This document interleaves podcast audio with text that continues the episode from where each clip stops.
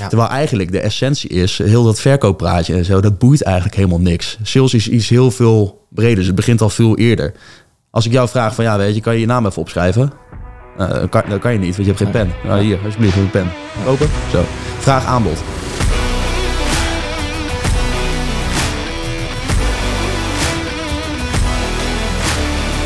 Yes, dames en heren, welkom bij weer een gloednieuwe aflevering van Raising the Bar. Mijn naam is Bart en naast mij zit natuurlijk weer favoriet van de show, Steffi Jansen. Altijd. Welkom, welkom mensen. En tegenover ons wederom een, eh, een gast natuurlijk. Ehm, wij zaten te denken, we hebben natuurlijk al best wel wat verschillende dingen besproken in deze podcast. Maar eh, omzet is de benzine van een bedrijf en hoe je veel omzet kan genereren is natuurlijk door sales. En sales is eigenlijk een, eh, een onderwerp wat wij hier nog niet veel hebben besproken. Dus toen dachten wij, laten wij eens even een lekker salesmannetje uitnodigen voor deze aflevering. En die zit tegenover ons, Jasper Jansen. Welkom. Dankjewel, dankjewel. Top dat je er bent vandaag. Ja, ik voel me Ja, vereerd, zeker. jongens. Nou, Ja, de mooi. Goed kijkers en luisteraars zijn ondertussen al wel een beetje aan gewend eh, hoe wij dit aanpakken. Ja. Ehm, Jasper, neem ons eens mee in jouw verhaal. Ehm, Bart heeft net al de introductie gegeven. Jij bent eh, druk bezig in de sales. Waar is het voor jou allemaal begonnen? Met betrekking tot sales natuurlijk. Met Ja, betrekking ja, tot ja. sales. Ja, ja, dat is een hele goede vraag. Ehm, ik was 18 jaar en ehm, ik was op stap. Eindexamenjaar en ik was gewoon op stap in eh, Den Bosch hier. Ja. En eh, op een gegeven moment kwam ik, eh, kwam ik een oude vriend van mij tegen. eh, van de eerste klas, geloof ik. En ehm, ja, die kwam ik gewoon tegen op stap. En eh, ik werkte toen de tijd werkte ik gewoon bij de Albert Heijn. Ik ken het wel, gewoon uurtarief. Ja, en, eh, vakken vullen. Ja, het was niet heel leuk of zo, maar ik zat mijn tijd Maar daar wel een beetje uit. Nou, precies. Nee, ja.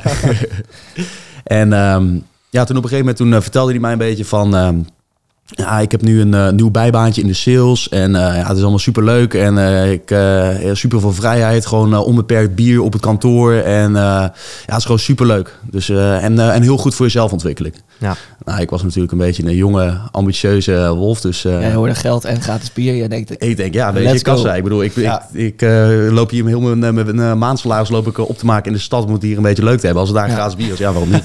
Dus ehm, ja, zo is dat een beetje begonnen. Dus toen eh, ben ik daar op sollicitatie gekomen. Ja. Eh, en toen heb ik daar eh, ja, wel gewoon, toen moest ik iets verkopen. Ik geloof dat ik een pen moest verkopen zo tijdens Ja. mijn sollicitatie. de classic. Nou, ik had natuurlijk Wolf Wall Street gekeken, Ja, dus dat was echt mijn grote inspiratiebron. Dus ik had zoiets van, ja, weet je, dit gaan we gewoon, gaan we gewoon doen. Dus ik werd aangenomen. En ehm, ja, dat ging eigenlijk in het begin matig. ja. Ja, Had je ook enigszins spanning bij dat eh, sollicitatiegesprek? Ja, tuurlijk, natuurlijk tuurlijk. vakken vullen. ja. Ja. ja, weet je, ik, ik had zoiets van, ja, weet je, dit is de kans van mijn leven. En eh, het, was, het was wel gewoon een redelijk groot bedrijf. Er werkten wel een aantal mensen die ik ook kende. Ja. En ehm, ja, ik had eigenlijk wel zoiets van, eh, ja, weet je, dit, dit is wel echt het, eh, het echte leven gaat nu beginnen. Dit is geen bijbaantje meer in de Albert Ja. Nee. Dus, ben eh, klaar met spelen. ja, ja, dus toen ben ik daar begonnen. Heel veel sales trainingen gehad daar. En ehm, Is dat allemaal intern ook? Of komen er dan ja, ja, ja, ja. Zijn wel gewoon eh, toen de tijd toen eh, ja, we verkochten toen eh, goede doelen op straat en, eh, en eh, langs de deuren. En dat was wel een eh, ja, was gewoon allemaal intern. Dus er kwamen Ja. geen mensen van buitenaf of zo. Dat werd allemaal gewoon door het management werd dat geregeld. En ik had in het begin had ik zoiets van ja, weet je, dit is, eh, dit is wel spannend, weet je. Ja. Die eerste deur die je aanbelt, je hebt wel zoiets van ja, weet je wat, eh, gaat er nu gebeuren? Dus ehm, Knikken in de knieën. ja, ja, heel erg, heel erg stotteren. En eh, nou, toen op, de, op een gegeven moment, de eerste dag had ik toen, toen één sale gemaakt.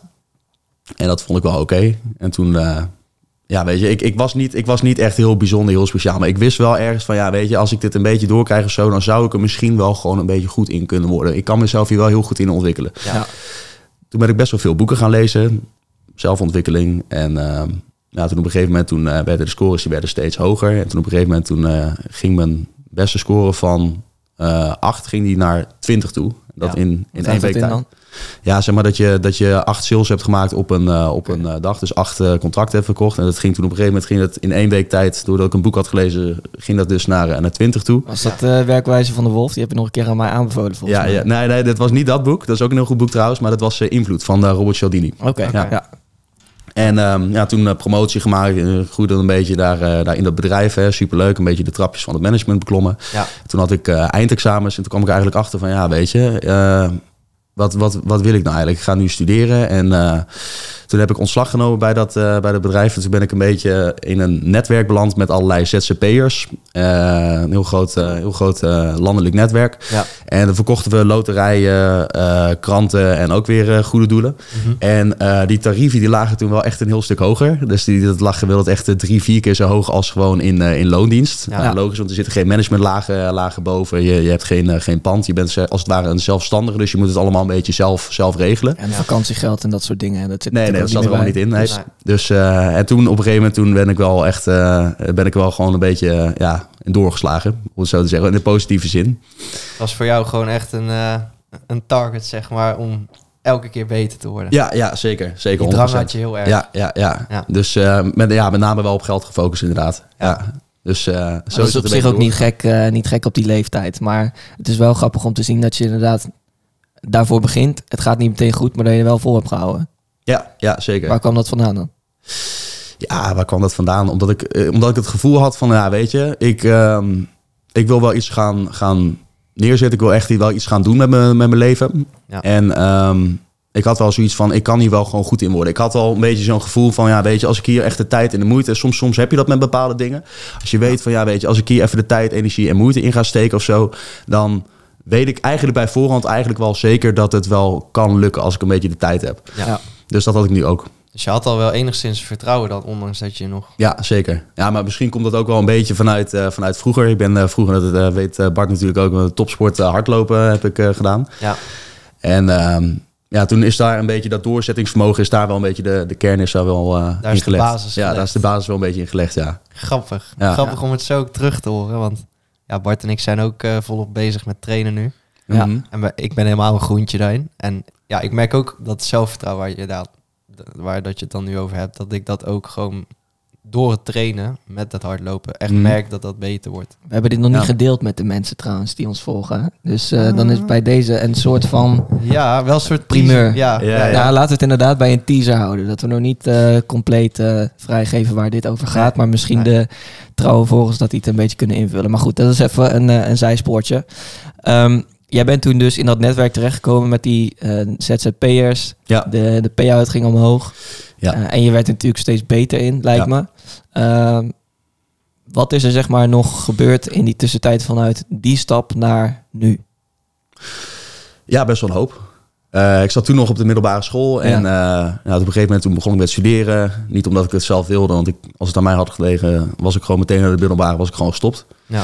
Maar ik had dus aan mijn oma had ik beloofd van ja, weet je, ik, ik zal wel een, een studie gaan afmaken. Hè, dat, dat zal ik wel voor je gaan doen. Hè. Dus eh, een beetje je ouders tevreden, tevreden houden. Hè. Open en oma tevreden houden. Een beetje, een beetje doen voor je. Een beetje het perspectief van, van buitenaf. Dus toen Ja. ben ik bedrijfskunde gaan studeren in Nijmegen. Mhm. Superleuke studie. Maar, Ik vond het vooral chill dat je er niet echt superveel voor hoefde te doen. Het was geen eh, bouwkunde zoals jij studeert bijvoorbeeld. ja. Ehm, dus ja, dat, eh, dat heb ik toen, eh, toen ben ik daarmee gestart. Mhm. En dat heb ik inmiddels heb ik dat afgerond, bachelor binnen. Maar ja, ik was niet echt de ideale student. Nee. Nee. Jij hebt Dus wel heb- genoten als student. ja, ja, zeker. zeker. De feestjes die, die, die waren heel goed hoor. Ja, Ja, alleen op een gegeven moment had, had ik zoiets van... kijk, alles, alles wat je een beetje leert daar op die school... Het was best wel ingesteld om het, eh, voor, voor het bouwen van werknemers. Dat, dat merkte ik. En de hele mentaliteit was eigenlijk anders. Dus Ja. ehm, mijn, mijn motivatie was eigenlijk gewoon echt eh, impact maken en geld verdienen. Mhm. En daar op de, op de universiteit merkte ik heel erg van... dan is het echt meer voor het, eh, het grotere geheel, het goed, grotere goed. En zeg maar... Ja, een een soort van de werknemersmentaliteit, dat werd wel een beetje, Ja. een beetje in, eh, ingeboord. En waren er wel wat mensen die op hetzelfde niveau dachten als jou? Ja, ja, zeker, zeker. Ja, we hadden wel eh, gewoon een vriendengroepje met, eh, met mensen die, dat, eh, die ook wel zoiets hadden van... ja, weet je, we willen uiteindelijk willen we ook wel gewoon verder. Juist. Ja. Want anders dan kan ik me voorstellen dat je toch wel enigszins kan gaan ergeren op zo'n omgeving, omdat je je dan alleen voelt eh, daarin. Van, ja, ben ik nou eh, zo anders bezig of snapt iedereen het niet? Of Ja, er maar een soort misconceptie? ja, ja, maar ja, maar weet je, ik had natuurlijk daarvoor had ik wel gewoon Ja. eh, jarenlang al op school gezeten. En dan was Ja. het eigenlijk altijd al zo. En ik vond eigenlijk de universiteit vond ik wel gewoon heel chill. Omdat je er gewoon een beetje meer tijd over had. Je had veel Ja. meer, vrijheid, wat minder aanwezigheidsplicht. En eigenlijk was het alleen maar projecten rammen. Daar moest je dan je best voor doen. Eh, groepsopdrachten, zelf papers schrijven. Dat moest je dan wel even zelf doen. Dus dat, daar ging dan wel de nodige tijd in zitten. Ah, voor de rest, ja, eigenlijk niet heel veel. Tot, maar tot ook op, daarin, zeg maar, omdat je daarnaast al zo, eh, zo hard werkt en dan weet je wel, oké, ik moet gewoon, ik weet hoe het is om even hard te moeten werken om een ding af te kunnen strepen. Ja, ja. en dat is met z'n- zulke projecten wel handig wat anders. Als je Ja. verder niks te doen hebt, dat is toch ook vaak als je een deadline hebt over twee weken, dan leef je hem ook over twee weken in. Terwijl Ja. als je er drie dagen voor hebt, dan krijg je het ook af. ja. Ja. Maar klopt. dan leef je hem dus inderdaad in die drie dagen in. Ja. Dus eh, dat, ja, dat merk je ook wel om je heen met gewoon veel studenten die denken, ja, ik hoef alleen maar dit te doen en die zoeken er niks naast. Ja, dan ben je alsnog je hele week kwijt met je studie. Terwijl ik bijvoorbeeld een paar uur per week met mijn studie bezig ben en ik Ja. doe in essentie hetzelfde. Dus ik denk dat dat bij jou ook wel inderdaad naar Ja. voren is gekomen. Ja, eigenlijk ook op, eh, op studie of eigenlijk algemeen in het leven heb je eigenlijk, eh, waarschijnlijk ken je het wel, je hebt twee typen mensen. Je hebt eh, de planner, degene die alles gewoon een beetje goed doet, goed op tijd begint, een hele planning maakt, stru- gestructureerd is, echt van de routines en de ritmes is. En dat is natuurlijk heel goed. En dat is wel gewoon een hele relaxed manier van werken, want je komt niet voor verrassingen te staan, omdat je natuurlijk ook wat marge inbouwt. Hè? Ja.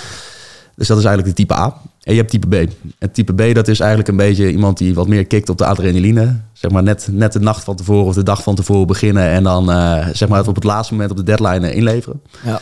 En ehm, uit onderzoek is wel gebleken dat dat soort mensen over het algemeen wel de beste ondernemers zijn. Ja. Dus mensen die, het, Ja. ja, die op de deadline zitten. Die, Ja. dus die zijn eigenlijk automatisch meer gefocust op resultaat.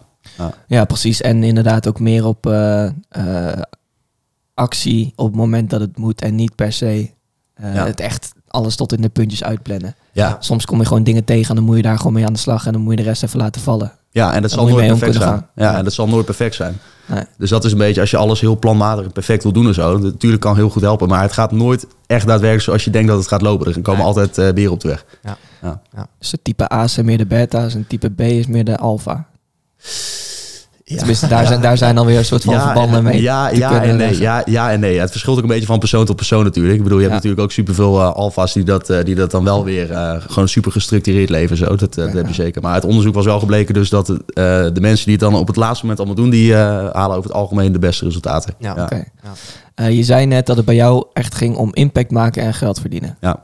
In welk opzicht eh, impact maken? Want het geld verdienen hebben we al nou ja, kort, maar wel alvast eh, even besproken. ja. Impact maken ben ik benieuwd naar. Ehm, ja, impact maken, omdat ik eh, op een gegeven moment kreeg ik ook een eh, soort van leiding over een eigen sales team. En ehm, ja, weet je, hoe beter die mensen presteerden, hoe, hoe meer ik daar dan ook weer op verdiende. Dus dat, dat was dan ook wel weer mooi. Ja.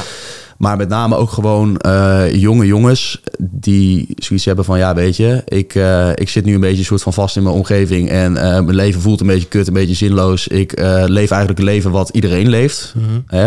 En ik word een soort van opgeleid als werknemer. Om juist een beetje die ambitieuze mensen die ook zoiets hebben van... ja, weet je, ik, eh, ik hoor gewoon, eh, gewoon eh, naar die volgende stap toe... om die dan een beetje verder te begeleiden en te helpen met betrekking tot sales. Ja. Ja. En dan is sales een van de, van, de, van de mogelijkheden die ik dan in mijn bereik had. Want er zijn natuurlijk heel veel verdien, verdienmodellen. Ja. Maar ik had wel zoiets van, ja, weet je, ik ben hier goed in. En ik vind het dan heel mooi om een impact te maken voor die mensen... en om ze daarin verder te helpen en verder te begeleiden. Ja. En is Wat- dat... Zeg maar. Oké, oké. Is dat zeg maar ontstaan uit het feit dat je het dus zelf zo eh, ook een beetje ervaren hebt? Of is ja, want ik iets- was zelf ook die persoon. Ja, Ja. helemaal. Ja. Dus jij wilde eigenlijk wat jij hebt geleerd overdragen aan iemand anders. Ja, ja, zeker. Dus dat, dat met impact maken vind ik dat, eh, vind ik dat heel mooi. En eh, kijk, het geld verdienen is allemaal heel leuk en zo. Hè? Dat is super gaaf. Maar het echte geluk haal ik er dan wel uit dat je gewoon jongens gewoon een beetje helpt met die, met die zelfontwikkelingen. En, die, en ze, ze daarin begeleidt en stimuleert ook. Ja. Ja. Ja, snap ik wel. Kan ik me wel iets bij indenken. Nou, Ja. zeker aangezien dat bij ons natuurlijk eh, het hele podcast-idee ook wel een beetje is. En wij hebben dan wel wat minder directe feedback, omdat we natuurlijk gewoon dit opnemen. En wij zien niet meteen wat de reacties zijn, maar Ja. wat we ook net voor de opname bespraken, wij zien ook steeds meer terug dat mensen het ook nice vinden en dat ze er ook eh, dingen aan hebben. Dus dat, is, eh, dat geeft gewoon een goed gevoel. Dus daar kun je Ja. inderdaad wel, wel levelen. Mhm. Ehm, ik wil graag nog even dieper ingaan op het goede doelen concept.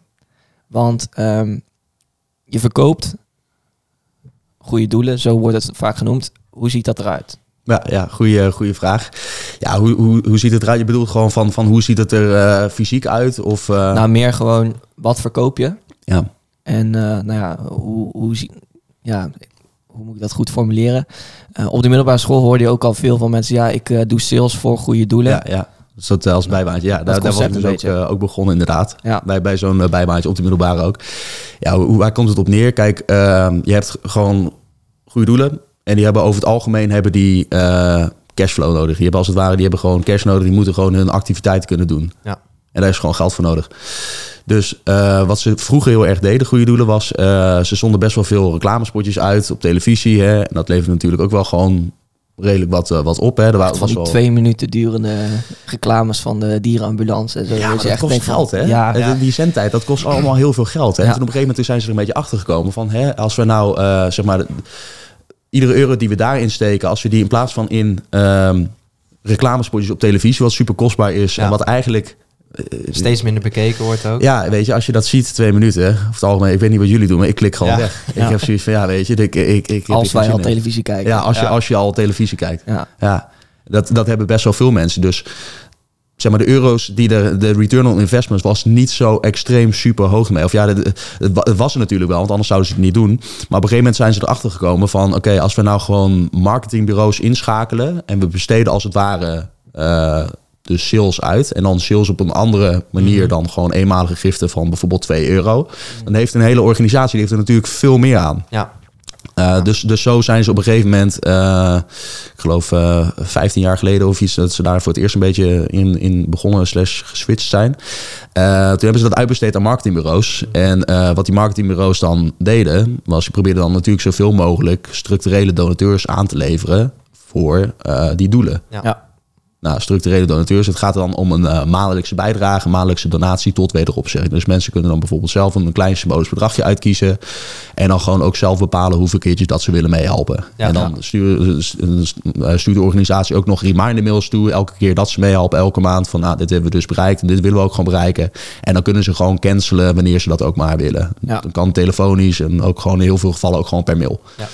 Dus dat is op zich best wel een heel mooi concept. En uh, ze kwamen erachter van, ja, weet je, als we ditzelfde uh bedrag hier insteken of zo, dan komt de return on investment, die is veel groter wat die eruit komt rollen. Ja. Dus uh, ja. ja. kijk, over het algemeen, er zijn niet superveel volwassenen die uh, het leuk vinden om op straat of langs de deuren mensen aan te spreken om ze te proberen te overtuigen om een maandelijkse donatie te doen voor een goed doel. Ja. Dus wat dachten ze? Nou, weet je, het is hartstikke mooi als we daar gewoon jonge, ambitieuze uh, studenten of scholieren uh, kunnen binnen, binnenhalen. Die daar goed in zijn, die hongerig zijn. Ja. En die als het ware op die manier die waarde kunnen leveren. En de Dus- skill kunnen en, opbouwen. Ja, en de skill tegelijkertijd kunnen opbouwen.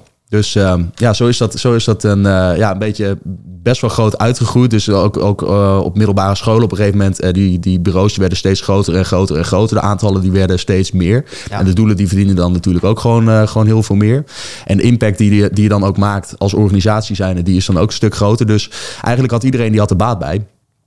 En uh, zo, zo dus ook die marketingbureaus. Ja. En zo via via met, met leads aanleveren, zeg maar. Mhm. Dus uh, stel je voor, uh, jij gaat er werken en je neemt uh, gewoon heel je vriendengroep met, met acht man neem je ook mee. Nou, die gaan dat ook allemaal doen. Ja. Er zijn best wel veel mensen die dan op die manier al zo'n ervaring hebben opge, opgebouwd. Ja, als, een soort uh, affiliate model van affiliates.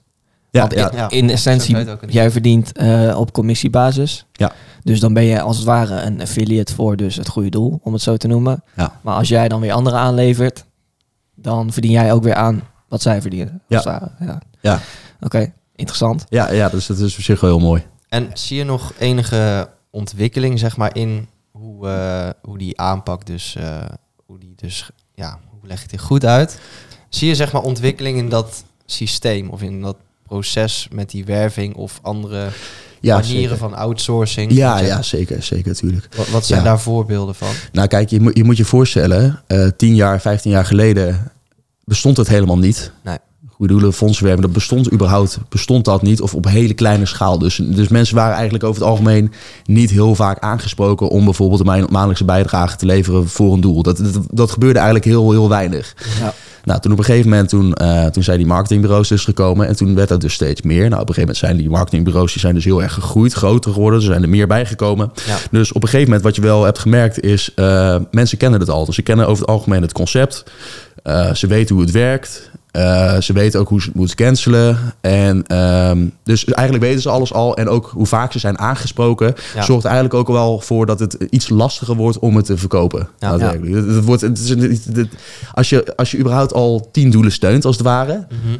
Ja, weet je, dan is de drempel wel wat hoger om eh, Ja, nog wel. eentje bij te nemen. Uiteraard. En dat merk je in alles. Dat merk je ook in eh, bijvoorbeeld Facebook advertenties. Die moeten ook steeds beter en Het wordt steeds, steeds duurder, hè? steeds duurder. Dat Ja. ook. Maar ook je eh copy en je, je foto's of video's die je gebruikt moeten allemaal steeds beter. Want iedereen blijft natuurlijk doorgroeien. Ja. Ja. En dat geldt ook voor eh, eh, Amazon listings, bol.com listings, alles. Ja.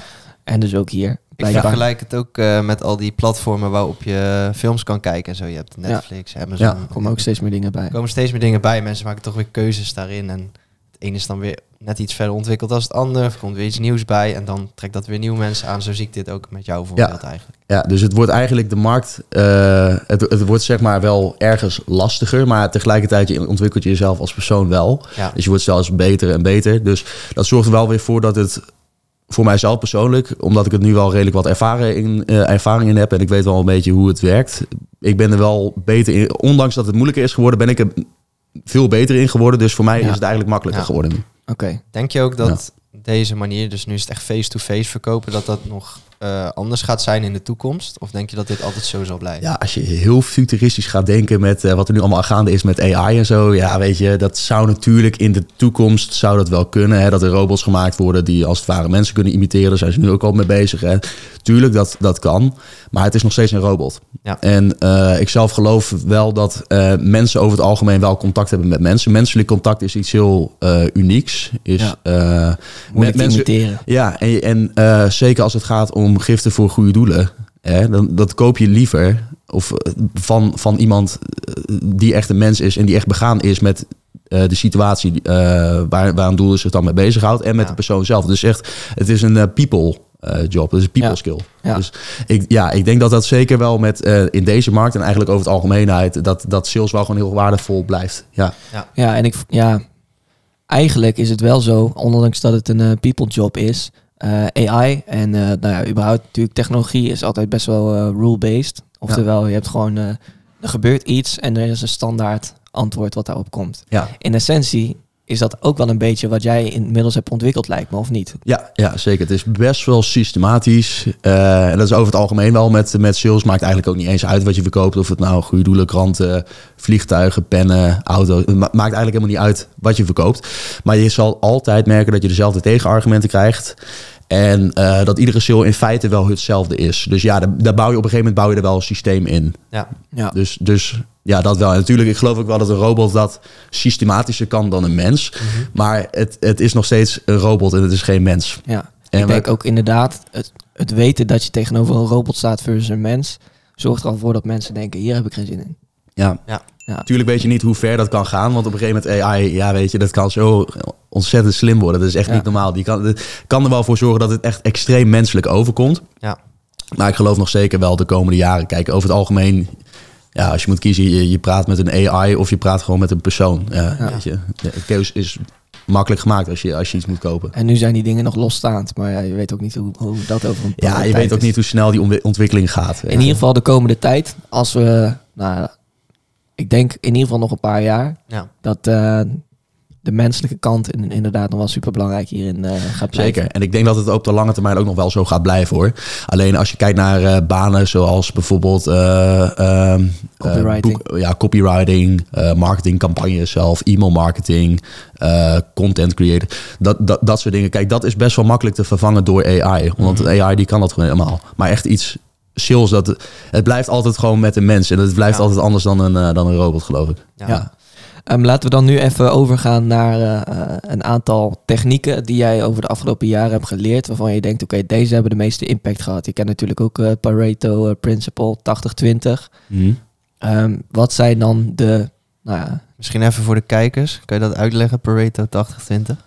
Ja, nou ja, wat, wat eh, eh, dat is dan een onderzoek geweest van dus eh, de heer Pareto. Die heeft ontdekt dat bij heel veel dingen ehm, het zo is dat 20% van de inputs voor 80% van de resultaten zorgt. En dat Ja. is niet altijd natuurlijk 80 of 80-20, kan ook 40-60 zijn, kan ook 10-90 zijn. Dat maakt in principe niet uit, maar het gaat er meer om. Er zijn vaak een aantal taken of technieken die de meeste impact hebben. En nou ja, daar ben ik dus wel benieuwd naar over de afgelopen jaren. Je zegt, je bent steeds beter geworden in sales. We hebben het al over eh, objection handling, eh, zeg maar, gehad. Wat zijn dan dingen die jij bent tegengekomen of waarvan jij hebt gemerkt, oké, hier ben ik beter in geworden en daarmee eh, heb ik grote stappen gemaakt. Ja, dat is, dat is een hele goede vraag. En dan even om het algemeen te maken voor de Ja. mensen die kijken of luisteren, dat ze dat ook zelf zouden kunnen toepassen. Ja, Ja, kijk, het Pareto-principe inderdaad wat je aangeeft. eh, 20-80, 20% van je personeel zorgt voor 80% van je omzet. 100%, eh, 100% waar. En dat zie je dus ook weer terugkomen in eh, sales. Over het algemeen de 20% beste verkopers... die zorgen ook gewoon voor 80% van alle omzet, van alle sales, wat, alles wat, wat er binnengehaald wordt. Ja. Ja, alleen, eh, dat, dat is niet alleen met sales, dat is eigenlijk zo met, met bijna alles. Bijna alles. Pareto die heeft, een, eh, die heeft goed zijn best gedaan. Goed zijn best zijn, eh, gedaan, Ja. En eh, met betrekking tot sales, kijk, het is vrij moeilijk om te zeggen dat bepaalde sales technieken of iets dergelijks, dat die verantwoordelijk zijn voor 80% van je output. Want het is gewoon heel moeilijk eh, te meten. Wat, Ja. wat ik zelf denk is, het is een beetje een samenloop van verschillende technieken. En de grootste ding is eigenlijk, je moet niet overkomen als een verkoper. Dat is een beetje het ding. ja. Dat, dat is wel de, de allergrootste. Zou je dat iets meer kunnen uitleggen?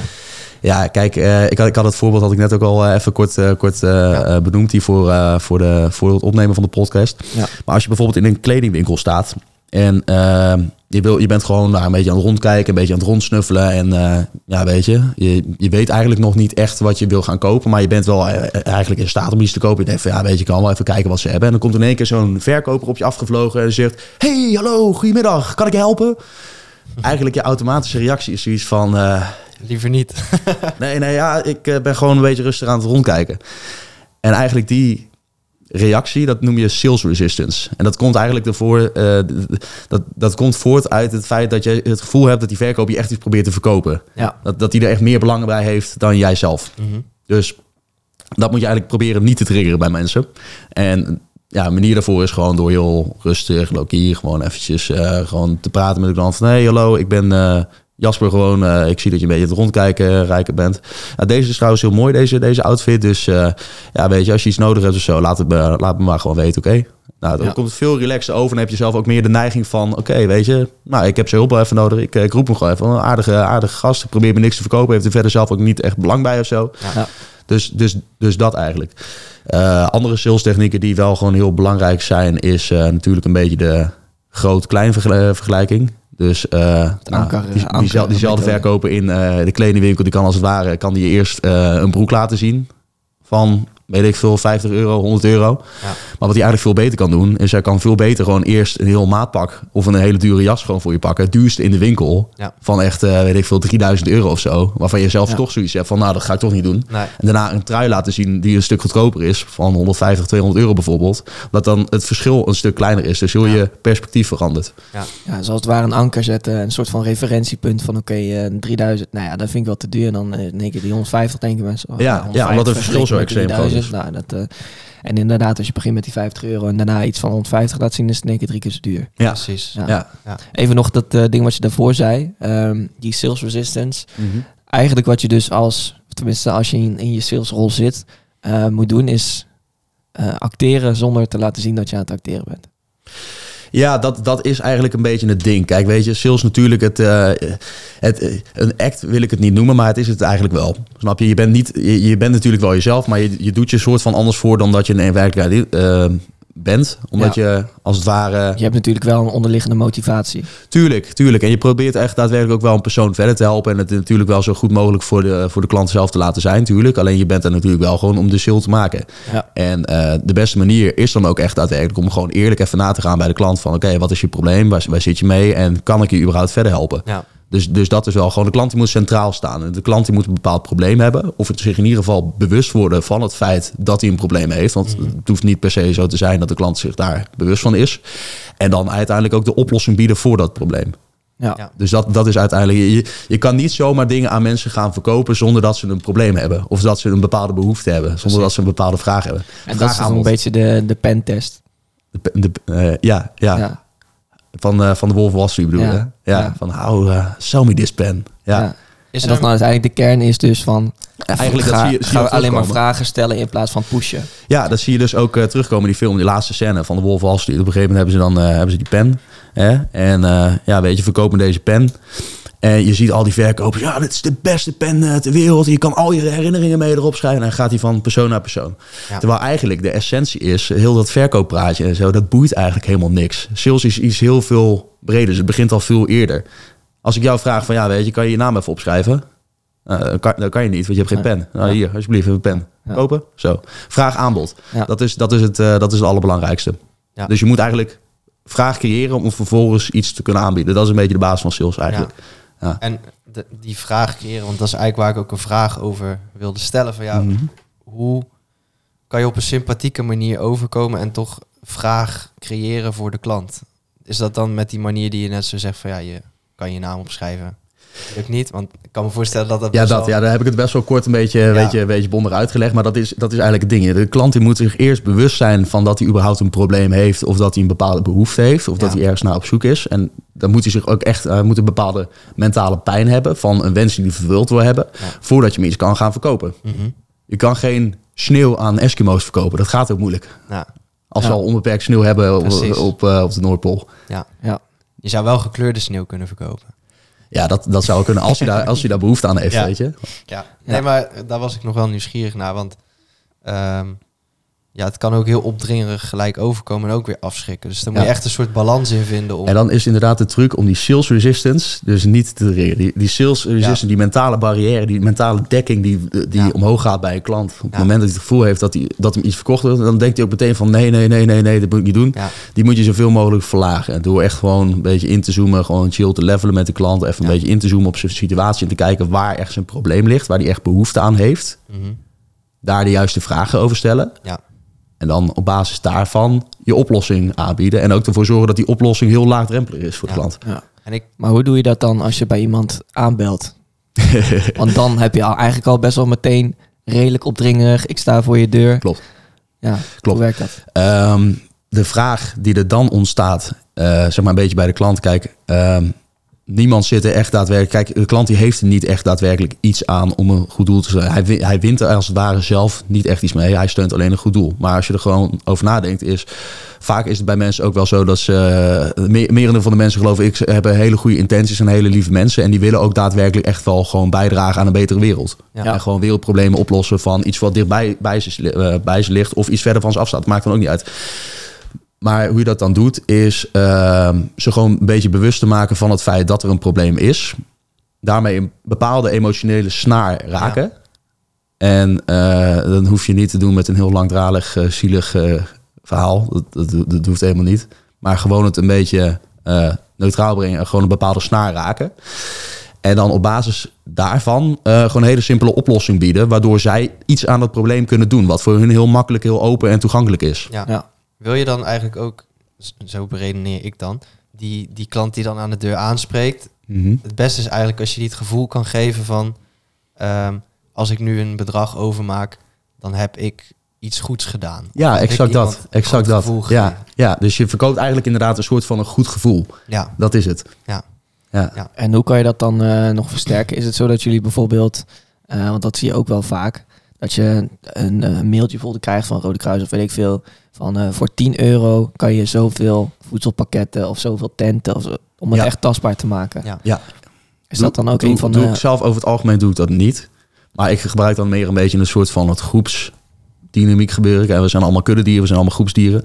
Dus ehm, wij vinden het heel prettig om bij de groep te, te horen. Wij doen eigenlijk het liefst alles, want het is veilig. Dan zit je in de kudde, dan ben je minder makkelijk een prooi. En dan, we, we zijn, we, we willen eigenlijk altijd bij de meerderheid willen horen als mensen. Ja. In zijn algemeenheid. Ja. Dus eh, wat ik dan bijvoorbeeld zeg is van ja, weet je, eigenlijk had iedereen mee met een bedragje tussen een tientje en de 20 euro bijvoorbeeld. Hè, wat, wat leek je zelf leuk?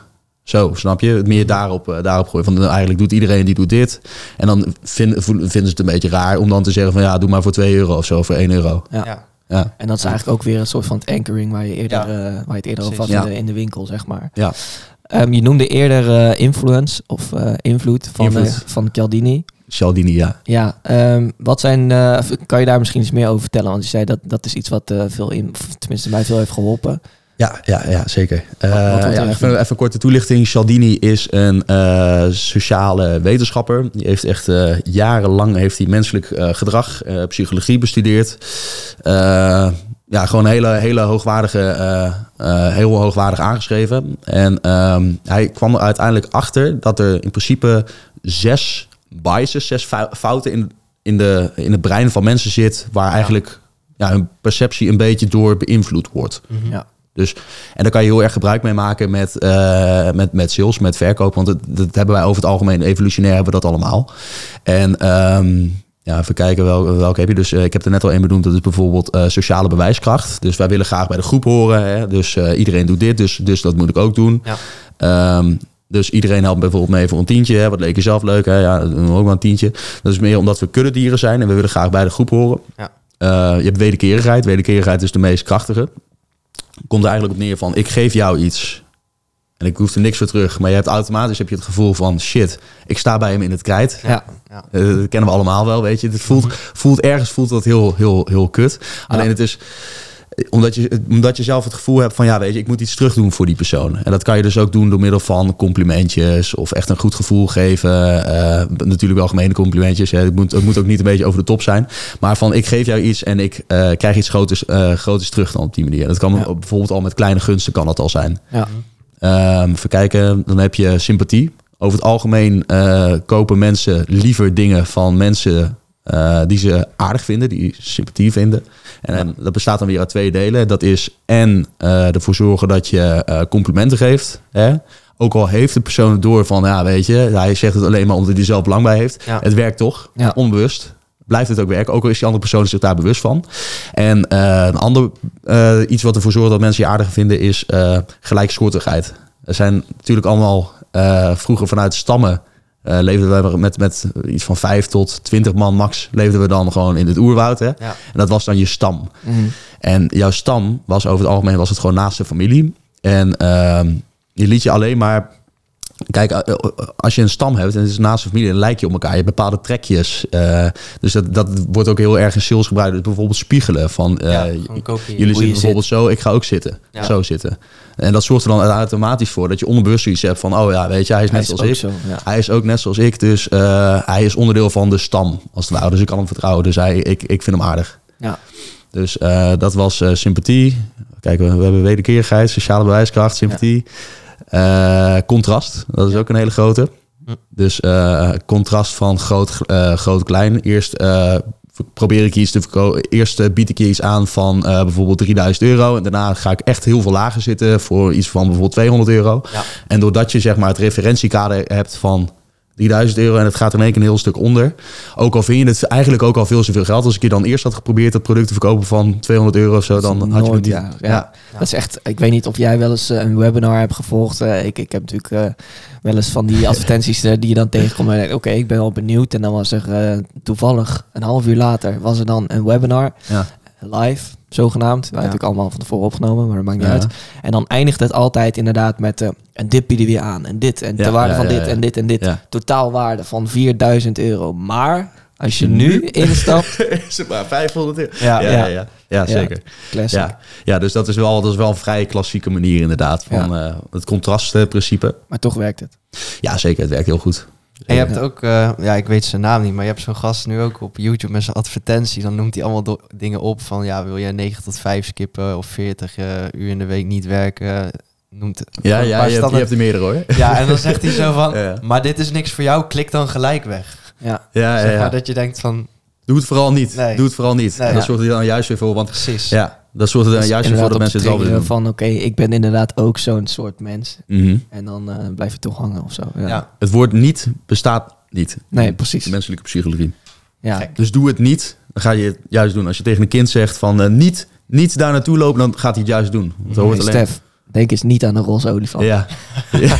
Ja. dat is Goed trouwens. Ja. Ik had ook ergens gelezen van de week dat als je het woord ook in je zin gebruikt, dat dat 80% eh sympathieker overkomt normaal op de mens. Dus dat- niet dat je zegt van, eh, wil je kijken naar deze jas, maar zeg je, zou je ook eens naar deze jas willen kijken? Ja, Zeg maar dat dat ja.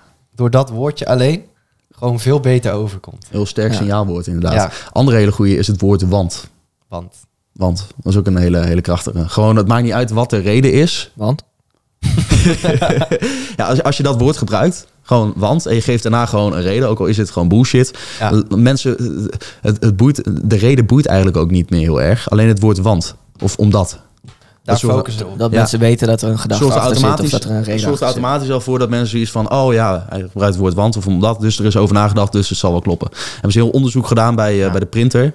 Eh, van, eh, waar- er, wa- er, er was dus een printer en er stond best wel een lange rij voor die printer. En eh, er er werd dus een, een onderzoek gedaan van ja, wat zorgt er nou voor dat je wordt voorgelaten? Van, eh, en uiteindelijk kwamen ze eruit Eh, uit het onderzoek kwam naar voren dat als je het woord want gebruikt, van eh, oh sorry, eh, ja, mag ik alsjeblieft eh, voor, want eh, ja, ik moet deze pagina sprinten en ik heb haast. Dat dat het beste werkt. Dat zorgt eigenlijk voor Ja. dat bijna iedereen je gewoon voorlaat. Kijk. Ja, grappig. Zo zijn er nog superveel eh, andere technieken.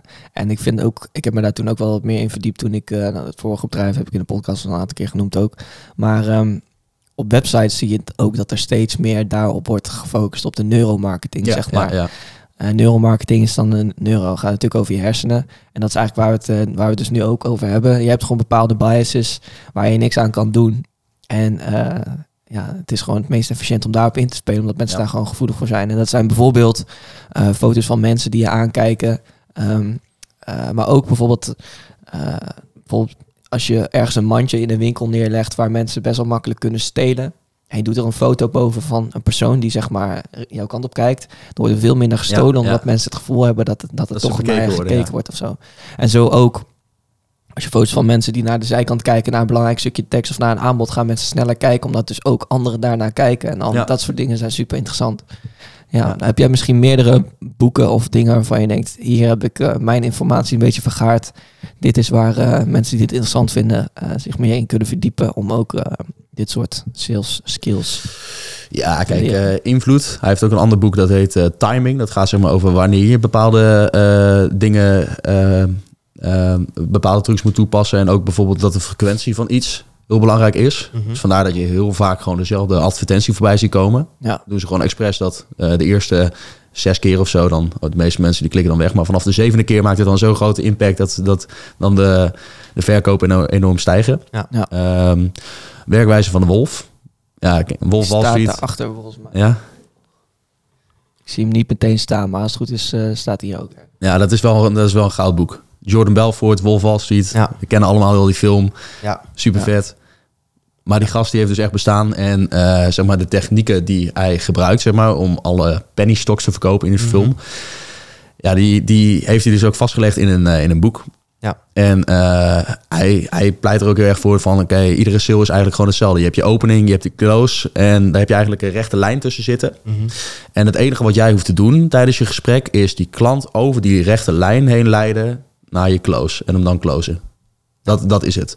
Maar wat, wat probeert de klant dus heel vaak te doen, is die probeert je een soort van van je rechte lijn, van je verkoop, zeg maar de ideale verkoop, die, die- die- zegt, zegt iedereen gewoon overal, eh, zegt een persoon overal ja op en dan Ja. close je hem gewoon. Heb je ook soms. Maar wat in het merendeel van de gevallen gebeurt, is eh, de, de klant die probeert je dus van je lijn af te eh, halen. En dat Ja. kan hij op twee manieren doen tegenargumenten of eigen ervaringen, dingen die hij zelf heeft meegemaakt. Dus eigenlijk om die lijn heen moet je bepaalde grenzen stellen. Kijk, het is niet erg als iemand er iets van afwijkt, maar je moet altijd weer proberen je gesprek te hervatten Ja. op basis van je structuur terug naar je originele eh, verhaal, Ja. je or- originele leidraad. Maar laat je dan die klant zeg maar eerst heel zijn beklag doen en ga je dan vervolgens als hij uit is gepraat direct weer terug zeg maar naar waar jij Kijk, op gefocust Nou, bent? kijk, het is helemaal niet erg als een klant een beetje ervan afwijkt van je lijn of van je structuur. Hè? Mhm. Daarom zet je ook bepaalde grenzen van oké, tot dit en dit ongeveer vind ik het oké dat die. eh, maar je moet altijd de controle in het eh, gesprek houden. Dat is Ja. heel, heel belangrijk met sales. Gewoon de controle behouden. Eh, de leiding behouden in het gesprek. Want zo manoeuvreer je als het ware die klant gewoon mee over je lijn naar je close toe. Ja. En eh, het, is niet, het is helemaal niet erg als iemand er een beetje van afwijkt of een beetje. eh, maar je moet hem altijd weer gewoon terugzetten op je eh, eh, ja, leidraad. De ideale lijn. Ja, op die ideale lijn en hem dan weer gewoon doortrekken. maar dat is kap heel je, dan, kap je die persoon dan gewoon af? Een soort van indirect wel. Ja, Ja. eigenlijk wel, maar niet, niet zo eh, bewust. Ik, me- meestal dan knik je gewoon mee en zeg ja, ja, natuurlijk snap ik helemaal. Hè. En dan eh, op een gegeven moment dan... Je, Je wordt ook steeds smoother in, toch? ja, ja, Ja. Dat, dat, is, dat is een beetje het ding. Dus je pakt hem gewoon weer terug op je, eh, op je verkoopproces als het Ja. ware. Ja. Dus, dus dat is heel belangrijk. Dus dat is, dat is een beetje in grote lijnen zeg maar, van hoe het er visueel uitziet. Eh, maar gaat ook heel erg in op hoe je als persoon moet overkomen voor de klant. Dat de vier, eerste vier seconden bijvoorbeeld die enorm belangrijk zijn. Als je iets, eh, als je iets aan het verkopen bent. De eerste indruk die mensen van je krijgen. Dat ze zoiets hebben van... Ja, weet je, dit, eh, in de eerste vier, eh, vier seconden wordt al vaak gewoon het oordeel geveld over, eh, over je als persoon. Als je Mhm. iemand voor het eerst ziet. Mhm. De eerste vier seconden zijn wel essentieel. Dus, dus ook met sales. Ja, Ja, want je ziet dan natuurlijk best wel veel mensen, best wel veel klanten. Dus de eerste indruk die moet gewoon heel goed zijn. Waar je dan eigenlijk juist ook op moet letten is... hoe je zelf als persoon overkomt is... je moet een expert zijn op je vakgebied. Mhm. Dus je moet weten waar je het over hebt. Als je iets verkoopt, dan moet je overkomen als iemand die er eh, verstand van heeft. Niet iemand die er niks eh, van af weet. Want dan op die manier kan je ook niet de, klant het beste adviseren. Dus expert zijn op je vakgebied. Gewoon super enthousiast zijn. Ja. Ehm, dus, eh, en dan niet te... Niet gemaakt, enthousiast. nee, en ook niet te uitbundig. Want op het moment dat het te uitbundig is... dan denkt de klant ook van... Oh, Is dit wel echt? Wat een, wat een losgeslagen gek. Ja, weet je, dit, dat, dat, dat, werkt, dit- dat werkt niet. Dus het moet zit een ook soort een van... sweet, spot. Ja, ja, gewoon ingetogen enthousiasme moet het zijn. Waardoor de klant eigenlijk zo- zoiets moet hebben van... wauw, dit is echt een sympathieke gast. Hij heeft, het, eh, hij heeft echt verstand van hetgene wat hij, eh, wat hij eigenlijk verkoopt. Ja. En eh, daarnaast is hij er zelf super enthousiast over. Dus weet je, het is wel gewoon de moeite waard om eventjes te kijken... van of het misschien ook wel iets voor mij is. Ja. En daarnaast moet je scherp zijn. Dus je moet gewoon heel ad rem zijn. Gewoon snel kunnen reageren op tegenargumenten. eh, gewoon niet dat je, dat je suf of zweverig overkomt. Je moet, je moet wel gewoon eh ad rem over. Dus dat zijn de eerste drie dingen die je in de eerste vier seconden... en eigenlijk gedurende het hele gesprek... waar je wel gewoon op moet letten. En daarmee is ervaring ook zo belangrijk. Want wat jij zegt, als je, ik heb het al zo vaak gedaan, dus je wordt er ook steeds beter in. Je weet inmiddels precies wat voor eh, counter-argumenten of dingen gaan komen. En dan weet je ook meteen wat het beste werkt om daar weer op te zeggen. En die heb je dan meteen paraat. Ja. Daarmee word je ook beter. Eén ding eh, wat ik nog even wilde zeggen over die rechte lijn wat je zei. Ehm, dat er vaak, eh, nou ja, dan worden natuurlijk objections eh, gegooid. En dat er eigenlijk ook weer twee varianten van zijn. Tenminste, dat, dat heb ik eh, begrepen. Je hebt zeg maar de logistieke variant, waarin mensen gewoon meer twijfelen van oké, ik vind het op zich wel interessant, maar er zijn nog een aantal dingen waar ik over twijfel. Mhm. En je hebt echt objections waaruit blijkt van deze staan er gewoon totaal niet voor open. Ja, ja, ja. Het is daarin ook toch wel belangrijk om daar goed onderscheid in te kunnen maken, want je kan al super veel tijd gaan steken in iemand waarvan je al merkt van deze wil het gewoon niet. Mhm. Het overtuigen van die mensen is eigenlijk tijdverspilling vergeleken met eh, de mensen die eh, nou ja, gewoon eerder vragen hebben van oké, eh, hoe zit het bijvoorbeeld met levering of hoe zit het Ja. met dit en dat. Ja. Dat wil ik Zeker. even toevoegen aan dat verhaal. Ja, ja, ja, 100%. Ja, want iemand die niks nodig heeft, ja, weet je, dan kan je wel natuurlijk super hard je best voor doen om hem proberen iets te verkopen. Maar als je gewoon echt niks nodig heeft, dus waarom zou je dat doen? Ik bedoel, hij wil het überhaupt niet. Het is een verspilling van je eigen tijd, want hij gaat het waarschijnlijk toch niet doen. Hij heeft er toch geen behoefte aan. En het is ook een verspilling van de tijd van de klant. Want ja, weet je, hij wil toch niks. Ja. Ja. Ja. je wil uiteindelijk iemand een, een fijne ervaring aan- meegeven. En als je echt in discussie gaat, ja, dan gaat dat natuurlijk niet de goede Ja, kant. tuurlijk. En ook echt verder helpen. Dat is, Ja. dat is natuurlijk ook wel een beetje het ding. En je moet wel echt iemand gewoon daadwerkelijk verder willen helpen met het probleem wat hij heeft. Dat is, eh, dat is een Mhm. beetje het ding met sales natuurlijk. Ik had nog een, eh, een vraag over dat eh, spiegelprincipe. Want wat ik een keer heb gelezen uit How to Talk to Anyone. Ik weet niet Mhm. of eh, dat bekend is. Niet gelezen, maar het, het- Ja, ja. Daarin worden honderd ehm, analyses gegeven eigenlijk over communicatietechnieken. En hij heeft gewoon, ik denk 20 jaar heeft hij erover gedaan om al die technieken op te stapelen en daar dan een bundel in te maken. En dat Ja. is How to Talk to Anyone geworden. Maar daar zegt hij eh, over het stukje spiegelen ook, dat hij ehm, heeft gezien en geleerd dat het heel belangrijk is om de manier waarop iemand tegen jou praat, om dat heel snel over te nemen. Is dat iets wat jij ook doet? Ja. Dus zeg maar niet zozeer wat hij zegt, maar gewoon de klank of de, de manier waarop Eh, hij ja, kan zoals- ook twintig verschillende accenten hebben. Ja, Gewoon. zelfs het accent. Het Hij is een soort La. Fluenta, alleen Ja, dan onder de sales. eh. Ja, het, het, is, het is wel echt heel erg. Ja, zelfs het accent, dat is eh, hoe iemand kijkt, hoe iemand... eh, ja, weet je, het, is- het is, je, je leert wel eens vrij snel mensen lezen. En het is wel heel belangrijk om je daar wel gewoon op aan te passen. Ja. Ja. Als je het wel gewoon ja, wil levelen met die persoon. Ja. En dat gaat niet eens meer bewust. Het gebeurt gewoon onbewust. Daar denk je dan gewoon niet over na. Mhm. Dat, dat, dat is gewoon zo. Gebeurt dat ook in je dagelijks leven nu of niet? Eh, ja, ja het, het zit, het zit wel gewoon eh, ja, vrij, vrij diep. Het is, Jullie zitten wel hetzelfde. Ja, hij Ja. zei het ook al. Ja, ja, en dat, dat gebeurt niet eens per se bewust, maar dat, dat gebeurt gewoon. En dat, en dat doet iedereen van nature al wel een beetje. Ja. Maar het feit dat je er bewust van bent, zorgt er dan wel weer voor dat je het extra kan toepassen. Ja. Ja. Maar ja, weet je, je wordt sowieso beïnvloed door je omgeving. Kijk, eh, het is heel simpel. Je wordt gewoon de persoon zelf van de vijf personen waar je het meest mee omgaat. Mhm. En ehm, Die horen we vaak terugkomen. ja, het, het, het is gewoon Ja. echt, het is echt letterlijk zo. Kijk, als jij echt iets van je leven wil gaan maken of zo, dan is het wel gewoon heel goed om jezelf even achter de oren eh, te krabben. Gewoon even de mensen met wie je het meest omgaat, gewoon op een rij te zetten en te kijken van oké, welke invloed heeft nou objectief gezien deze persoon op me? Of deze persoon gaat hij me echt daadwerkelijk verder helpen? Ja. Ik ben nu zo als persoon en mijn droomsituatie, ik zelf als persoon zie er zo uit. Met wat voor mensen zou die omgaan? Wat, eh, wat, hoe zou die zelf leven? Welke Wat zijn de kernwaarden? Wat zijn de kernwaarden inderdaad?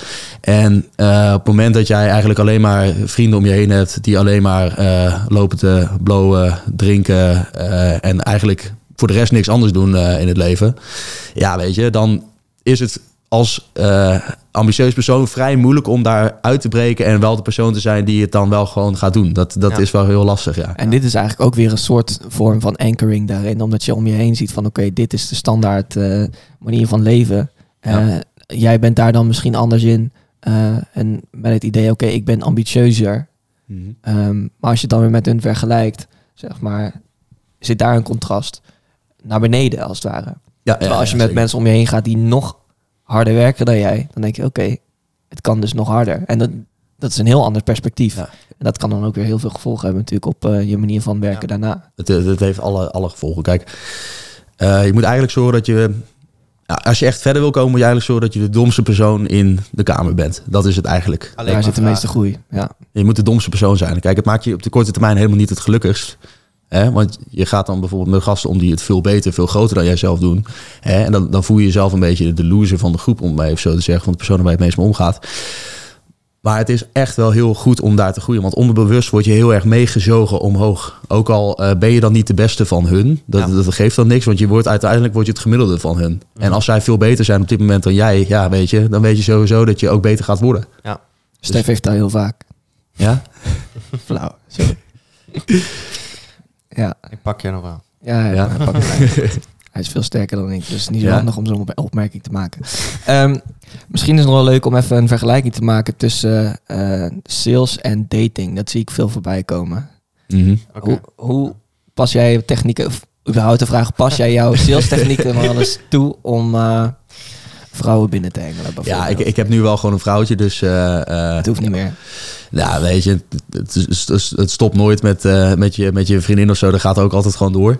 Maar ehm, ja, zeker, het heeft wel heel veel gelijkenissen. Ja, ja absoluut.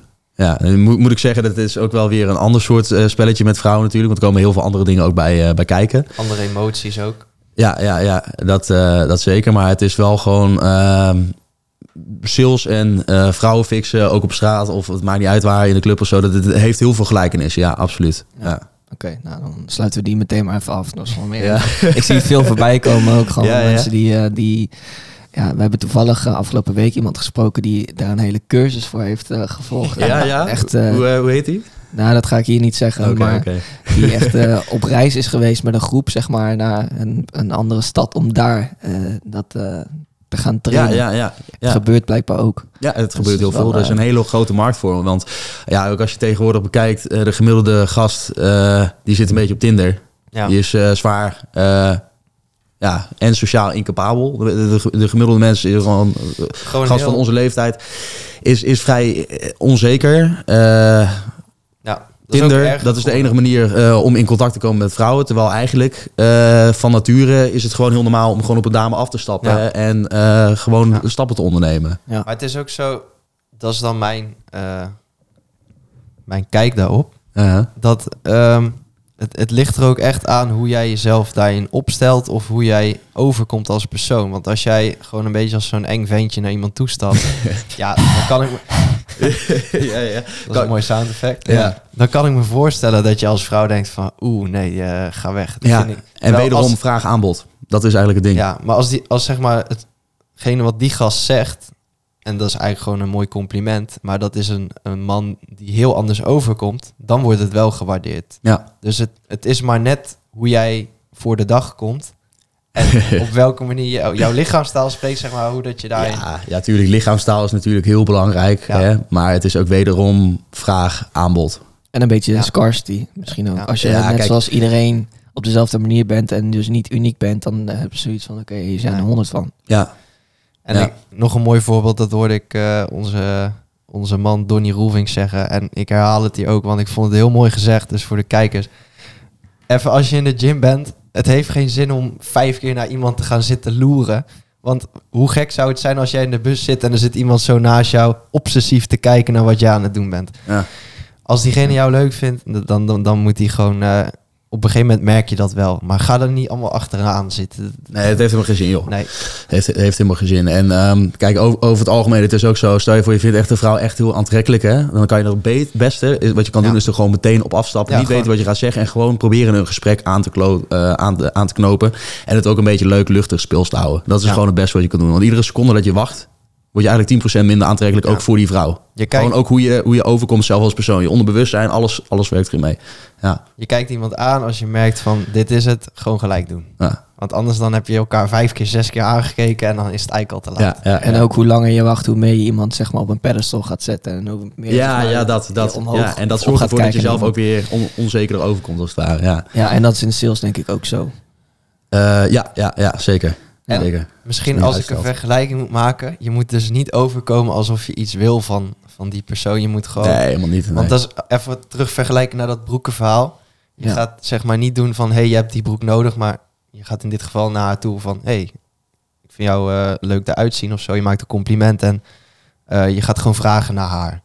Wat zij doet. Wat, Ja, ja dat, dat is een manier, maar ja, maar, maar, niet, maar niet zeg maar, hé, hey, hallo, ik, eh, ik ben Stef, ik ben supergoed en eh, ja, Nee, mij wil je meenemen. Nee, Ja, dat nee. zou heel gek Nee, zijn. nee, een hele dat- lijst op gaan noemen met wat je allemaal wel niet kan. En Ja, eh, ik dan neem je weer de 100 sales kilo. En. Ja, ja. dat zou nergens op slaan. Ja. Je hebt er wel een paar goede boeken over ook. Voor eh, als man zijnde, hè, als je vrouw wil, eh, wil versieren en je wil er graag meer over weten. Ja, weet je, om, om echt een. Ja, weet je, het, het, het, het is altijd een beetje een dunne lijn. Hè, want het is altijd heel goed hè, om, eh, om natuurlijk eh, als eh, jonge vrijgezel hè, gewoon lekker vrij te zijn, lekker je ding te doen. Dat is natuurlijk, dat is natuurlijk supergoed. Ja. Alleen heel veel technieken die daarin gebruikt worden, als het ware, die kunnen ook wel een beetje toxic zijn, zeg maar. Mhm. Waardoor je als het ware wel een beetje misbruik kan maken van, van vrouwen. Dat is natuurlijk helemaal Ja. niet de bedoeling. En het beste eigenlijk waar ik geloof waar je naartoe moet schrijven als man zijn, is dat je gewoon een, gewoon een één vrouw vindt, daar gewoon gelukkig mee bent. Eh, one good girl is worth a thousand bitches. Ja, even Kanye West. Ja. Ja, dat is echt zo. Zeker. Ja, ik, was, eh, ja, ik was in het verleden was ik best wel eh, losgeslagen ook met vrouwen. En ik had wel gewoon wel een aantal vriendinnetjes. Dat is helemaal niks mis mee natuurlijk als je vrijgezel bent. Maar, Tegelijkertijd. ja, ja, nou, ja niet, niet echt officiële relaties zo, maar wel gewoon vriendinnetjes een beetje. ja. Ja. Ja. ja. maar dat, dat, dat uiteindelijk vult het helemaal niks op qua leegte of zo. Maar kijk, als je daar nou echt beter in wil worden of zo, dan. ehm, het is, het is eh, echt een garantie van dat de, de technieken werken. Maar eh, ik zou het eerlijk gezegd niet aanraden. Maar mocht je er meer over willen weten, Menslat van eh, Tim Veninga wel gewoon een goed boek daarvoor.